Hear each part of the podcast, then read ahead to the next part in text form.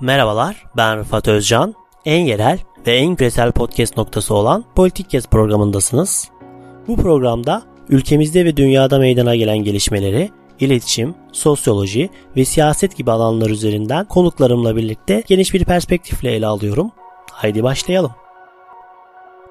Selami Kökçam ile Libya'yı konuştuğumuz programın ikinci bölümüyle karşınızdayız. Tekrardan programa hoş geldin abim. Hoş bulduk. İki taraftan bahsediyoruz işte Hafter ve Ulusal Tabakat Hükümeti. İki tarafın uzun, uzun süreceki amaçları neler yani? Bir de e, mesela Ulusal Mutabakat Hükümeti Bingazi'ye kadar ilerleyip askeri bir başarı mı kazanmak istiyor?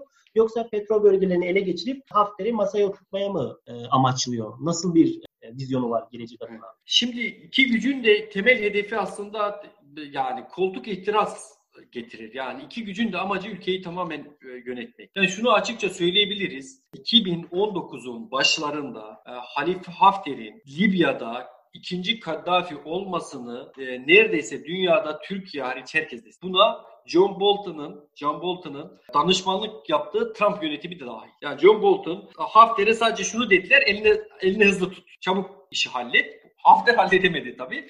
Halledemedikten sonra ve özellikle Türkiye'nin müdahalesiyle bunların şu anda hedefleri açıkçası Libya'yı ilk önce Hafter'i söyleyeyim. Hafter ve destekçilerinin şu andaki hedefi Libya'yı bölmek. Net olarak bunu söyleyebiliriz. Yani Hafter ve destekçileri Aralık ayında Mısır Kahire'de düzenlenen Libya ekonomisi konulu konferansta buna Birleşmiş Milletler de alet oldu. Bu konferansta resmen Libya'nın bölünmesini tartıştılar. Nasıl tartıştılar? Bunu soracaktım ben aslında çünkü e, Birleşik Arap Emirlikleri'nin bir stratejisi aslında bu. Yemen'de yaptı, Somali'de Aynen. yaptı. Burada da yapacak mı acaba diye. Evet, yani... kesinlikle yapmaya çalışıyor. Kesinlikle yapmaya çalışıyor. Aslında bunun denemesini yaptılar Kahire'de. Dünyanın gözü önünde ve Birleşmiş Milletler'e alet ederek yaptılar bunu. E, düşünün savaşı biraz e, bunu söylemek lazım. Savaşın tarafları var. İki tane tarafı var. Yani bir Birleşmiş Milletler'in tanıdığı meşru hükümet. iki yani meşru dünyanın tanımadığı ülke yönetimini el koymayan bir adam var. Ve onun destekçileri var. Ve bunu destekçileri savaşın doğrudan tarafı. Bu taraf kimler? Mesela Türkiye. Savaşın doğrudan tarafı mı? Pek tabii ki tarafı. Yani destek veriyorsun, askeri destek veriyor. Bu dünyada da böyle. Rusya'ya e, Suriye'de savaşın tarafı dememek mümkün mü? Değil. Yani Rusya Suriye'de savaşın birinci elden tarafı. Bunu çatışma bölgelerini takip eden herkes bilir. Şimdi Mısır'da Birleşik Arap Emirlikleri'de Rıfat Libya'da savaşın direkt e, tarafı. Dolayısıyla yani uluslararası toplumu ta- tanıyan, uluslararası toplumu takip eden insanlar şunu bilir. En basit şeydir ya bu. Tar- savaşın doğrudan tarafı olduğu ülkelerde konferans yapılmaz, yapılamaz. Bu biraz akla ve mantığa aykırı. Bun- bunlar ekonomik formu şeyde topladılar. Kaire'de topladılar ve Libya'nın petrolünün bölüşümünü tartıştılar. Çünkü bu dönem şu anlaşılmıştı. Türkiye ile Libya arasında bir güvenlik e, mutabakatı imzalanacağı anlaşılmıştı. Uluslararası çevrelerde bu konuşulmaya başlamıştı. Bunlar bu şeyi topladılar. Çünkü artık anladılar ki biz Trablus'u veya çevresini ele geçiremeyeceğiz. Bundan sonra Birleşik Arap Emirlikleri, Mısır, çünkü Mısır'ın ciddi anlamda bir e, sınırı var Libya ile. Bunlar Libya'nın baş, baş, bölünmesi üzerinden oyuna dahil oldular. Hala da bu oyunu böyle isteyecekler. Libya'nın bölünmesi taraftarılar. Diğer tarafa bakarsak Uluslararası Mutabakat Hükümeti yani uluslararası mutabakat hükümeti söylem analizi açısından bakarsak tamamen Libya'yı ele geçirmek istiyor. Yani bir kendi kontrolünde olan batı bölgesiyle yetinecek gibi durmuyorlar açıkçası bunu söyleyeyim. Petrol bölgelerini Hafter'e bırakacak gibi de durmuyorlar. Şu anda Sirte üzerinde ciddi baskıları var. Sirte'yi almak istiyorlar. Çünkü Sirte'yi aldığınız zaman aslında Sirte bir kilit taşı. Bölüm bölüm e, şeyi. Buradan petrol bölgelerine akacak bir Libya ordusu görebiliriz yakın zamanda. Sirte'den sonra müzakereler başlayacaktır büyük ihtimalle. Ben kendi öngörümü söyleyeyim. Bunu Twitter'da da yazdım ben. Libya'nın ben uzun vadede yani e, bölünme, bölüneceğini düşünüyorum. Açıkçası ayrılması mı bölünmesi mi tabii ki ayrılması. Ben çatışma bölgelerini uzun yıllar izleyen insanlar için düzenli bir ayrılık karmaşalı bir beraberlikten daha iyidir. Yani Libya'yı bu çatışmaları en azından çatışmaları bitirecek şey Libya'nın bölünmesidir. Bölünmesini kim ister? Ben isterim doğal olarak yani Türkiye ister mi? Hayır istemez. Libya bir bütün olarak Türkiye bir bütün olarak Libya ister. Ama diğer taraf bunu zorlayacak. Rusya'nın burada tutumu çok önemli. Rusya Libya'yı bırakacağını ben düşünmüyorum. O yüzden ulusal tabakat hükümeti güçlerini bütün Libya'ya hakim olma düşüncesi veya böyle bir plan biraz zor ihtimal. Libya'da yakın zamanda müzakere masasını görebiliriz diye düşünüyorum. Bir de e, en başta da bahsettiniz aslında da bu aşiretlerin kendi milisleri de var bildiğim kadarıyla. Tabii. Bunlar bölgenin güvenliğini sağlıyorlar. E, Libya'nın bir gerçeği bir şekilde de aşiretler.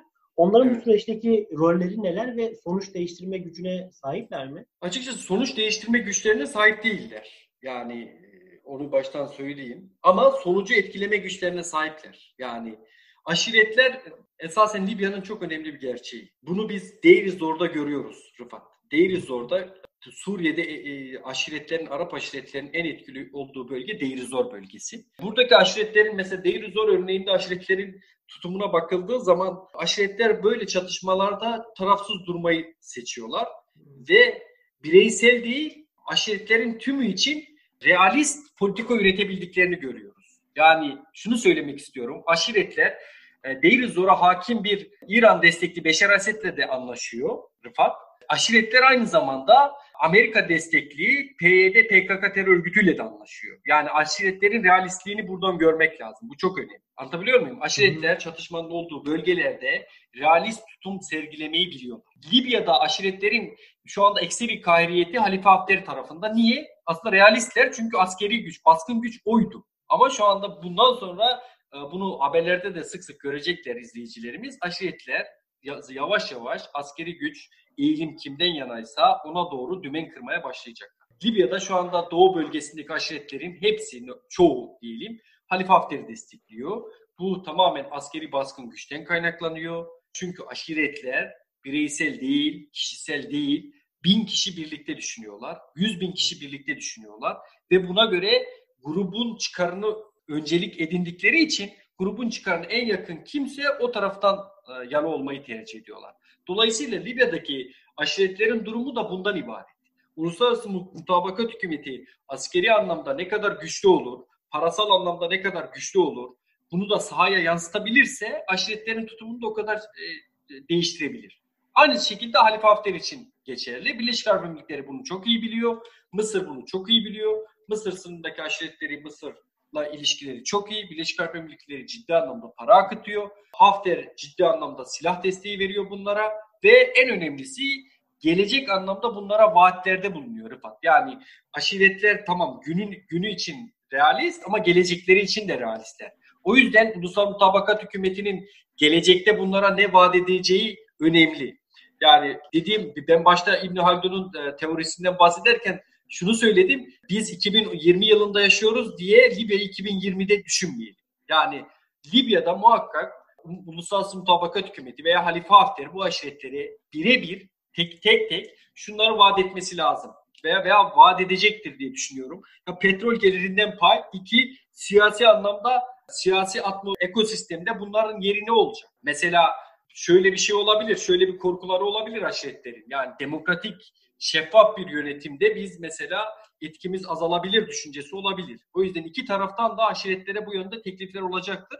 Bu yüzden Libya'da aşiret diplomasisi artık daha hızlanacak. Çünkü iki güç de askeri anlamda baskın olmaya başladı. Uzun süreçte Türkiye'nin kazanımları sonucunda yani İsrail ve Mısır'la bir yumuşamaya gidilebilir mi Türkiye açısından? Onu sormak istiyorum. Yani Libya ile yapıldığı gibi Türkiye e, ve İsrail bir münhasır ekonomik bölge ilan edebilir mi? Türkiye'nin Mısır'la anlaşma yapmasının önünde hiçbir engel yok.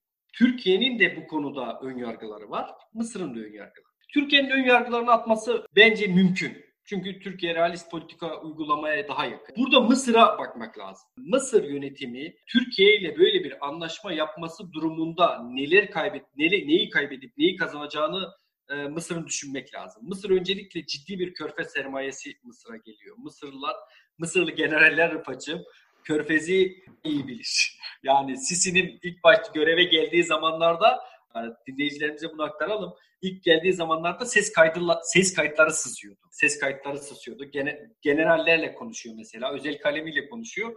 Bunlar hep sızıyordu. O, o zamanki özel kalemi şu anda Mısır'ın istihbarat başkanı Onunla konuşurken mesela Sisi e, şeyi konuşuyordu. Körfez'i daha ne kadar yontabiliriz? Nasıl yapabiliriz? Mesela Mısır'ın söylemlerinde hep şunu görürsünüz. Ya biz Körfez'e bir adım uzaklıktayız. Her türlü destekle Mısır'ın şeyin yanındayız. Körfez'in yanındayız. Böyle böyle diye Mısır e, şey diyeyim Körfez'den para alır Mısırlı generaller. Ama en ufak bir hareketlerini göremezsiniz Mısırlı. Tek ufak hareketlerini göremezsiniz ve ciddiye de alınmaz, alınmaz bu.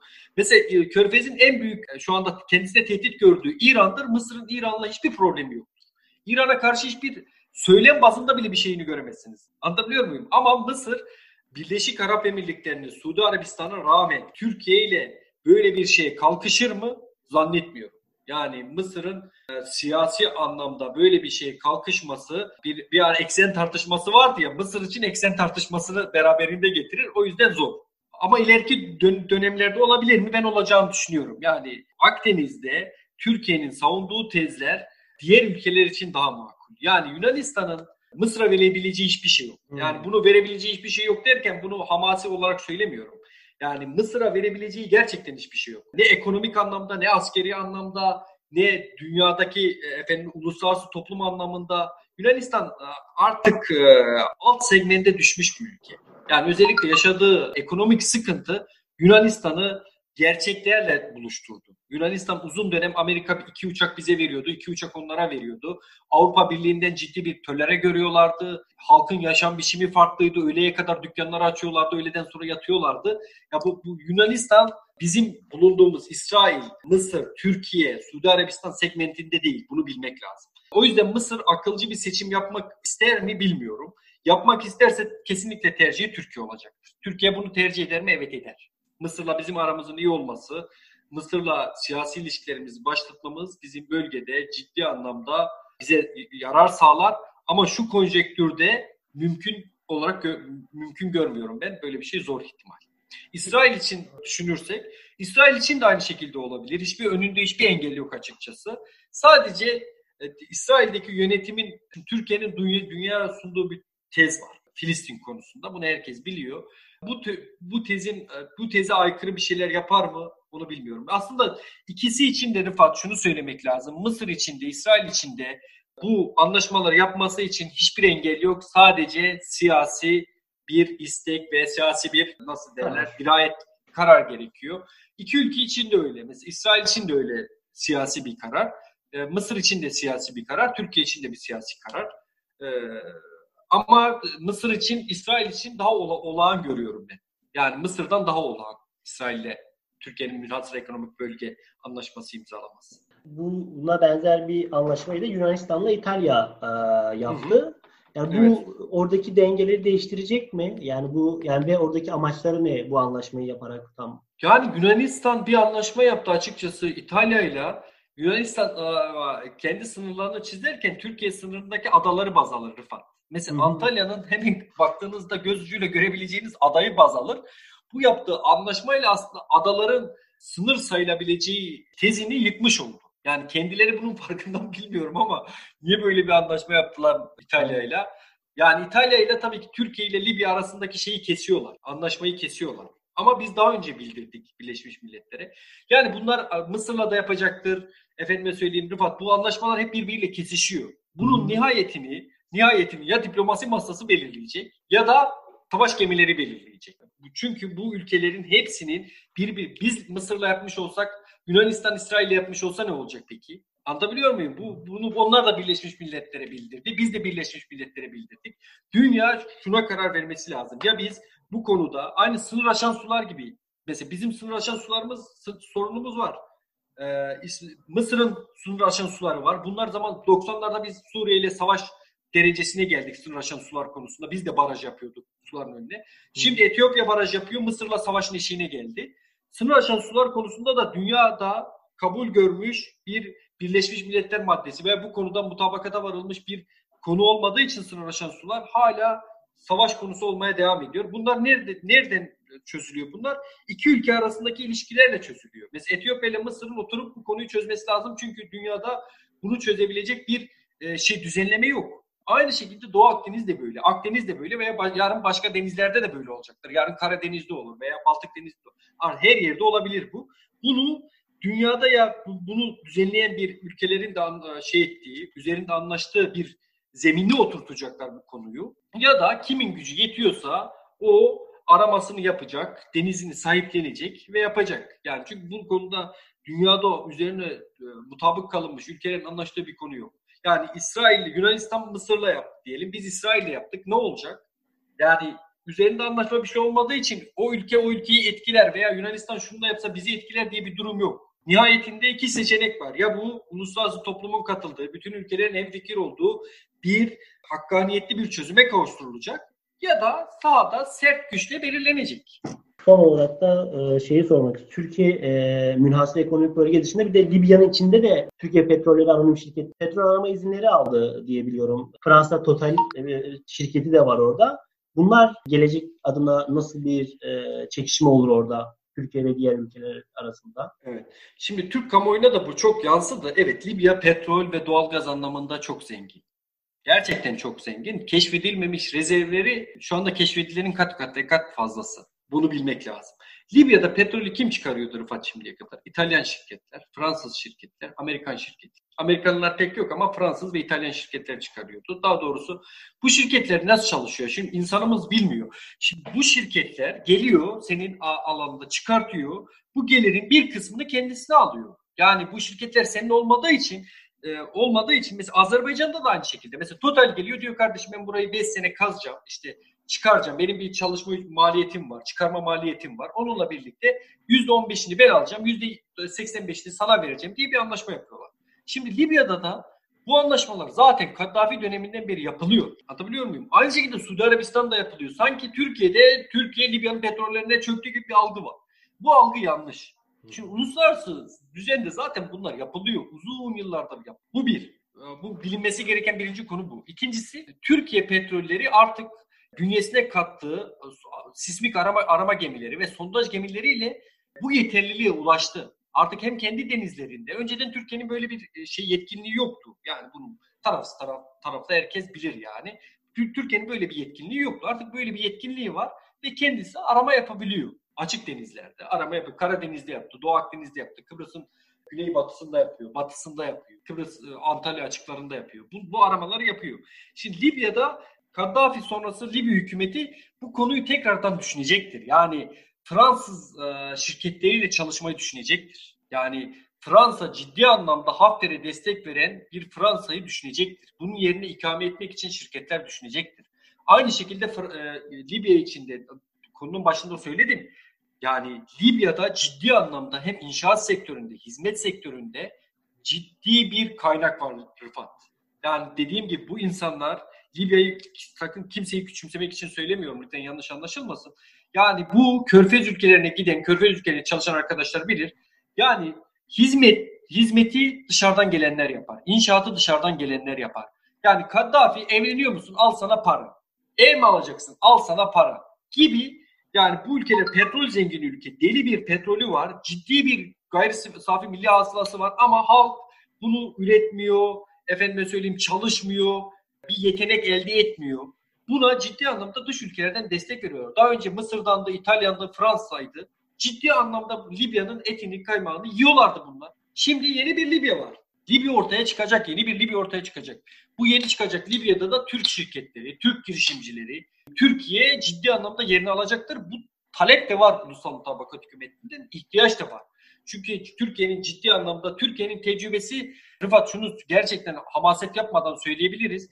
Türkiye'nin Libya'ya katacağı tecrübe Fransa'nın katacağından kat ve kat fazladır. Fransa bu dönemleri çok fazla önceden açtı. Fransa'da şu anda çalışan insanlar, yani ana sektörleri yapan insanlar yine göçmenler. Dışarıdan gelen insanlar ama Türkiye şu anda inşaat sektöründe çok ciddi atılım sahibi.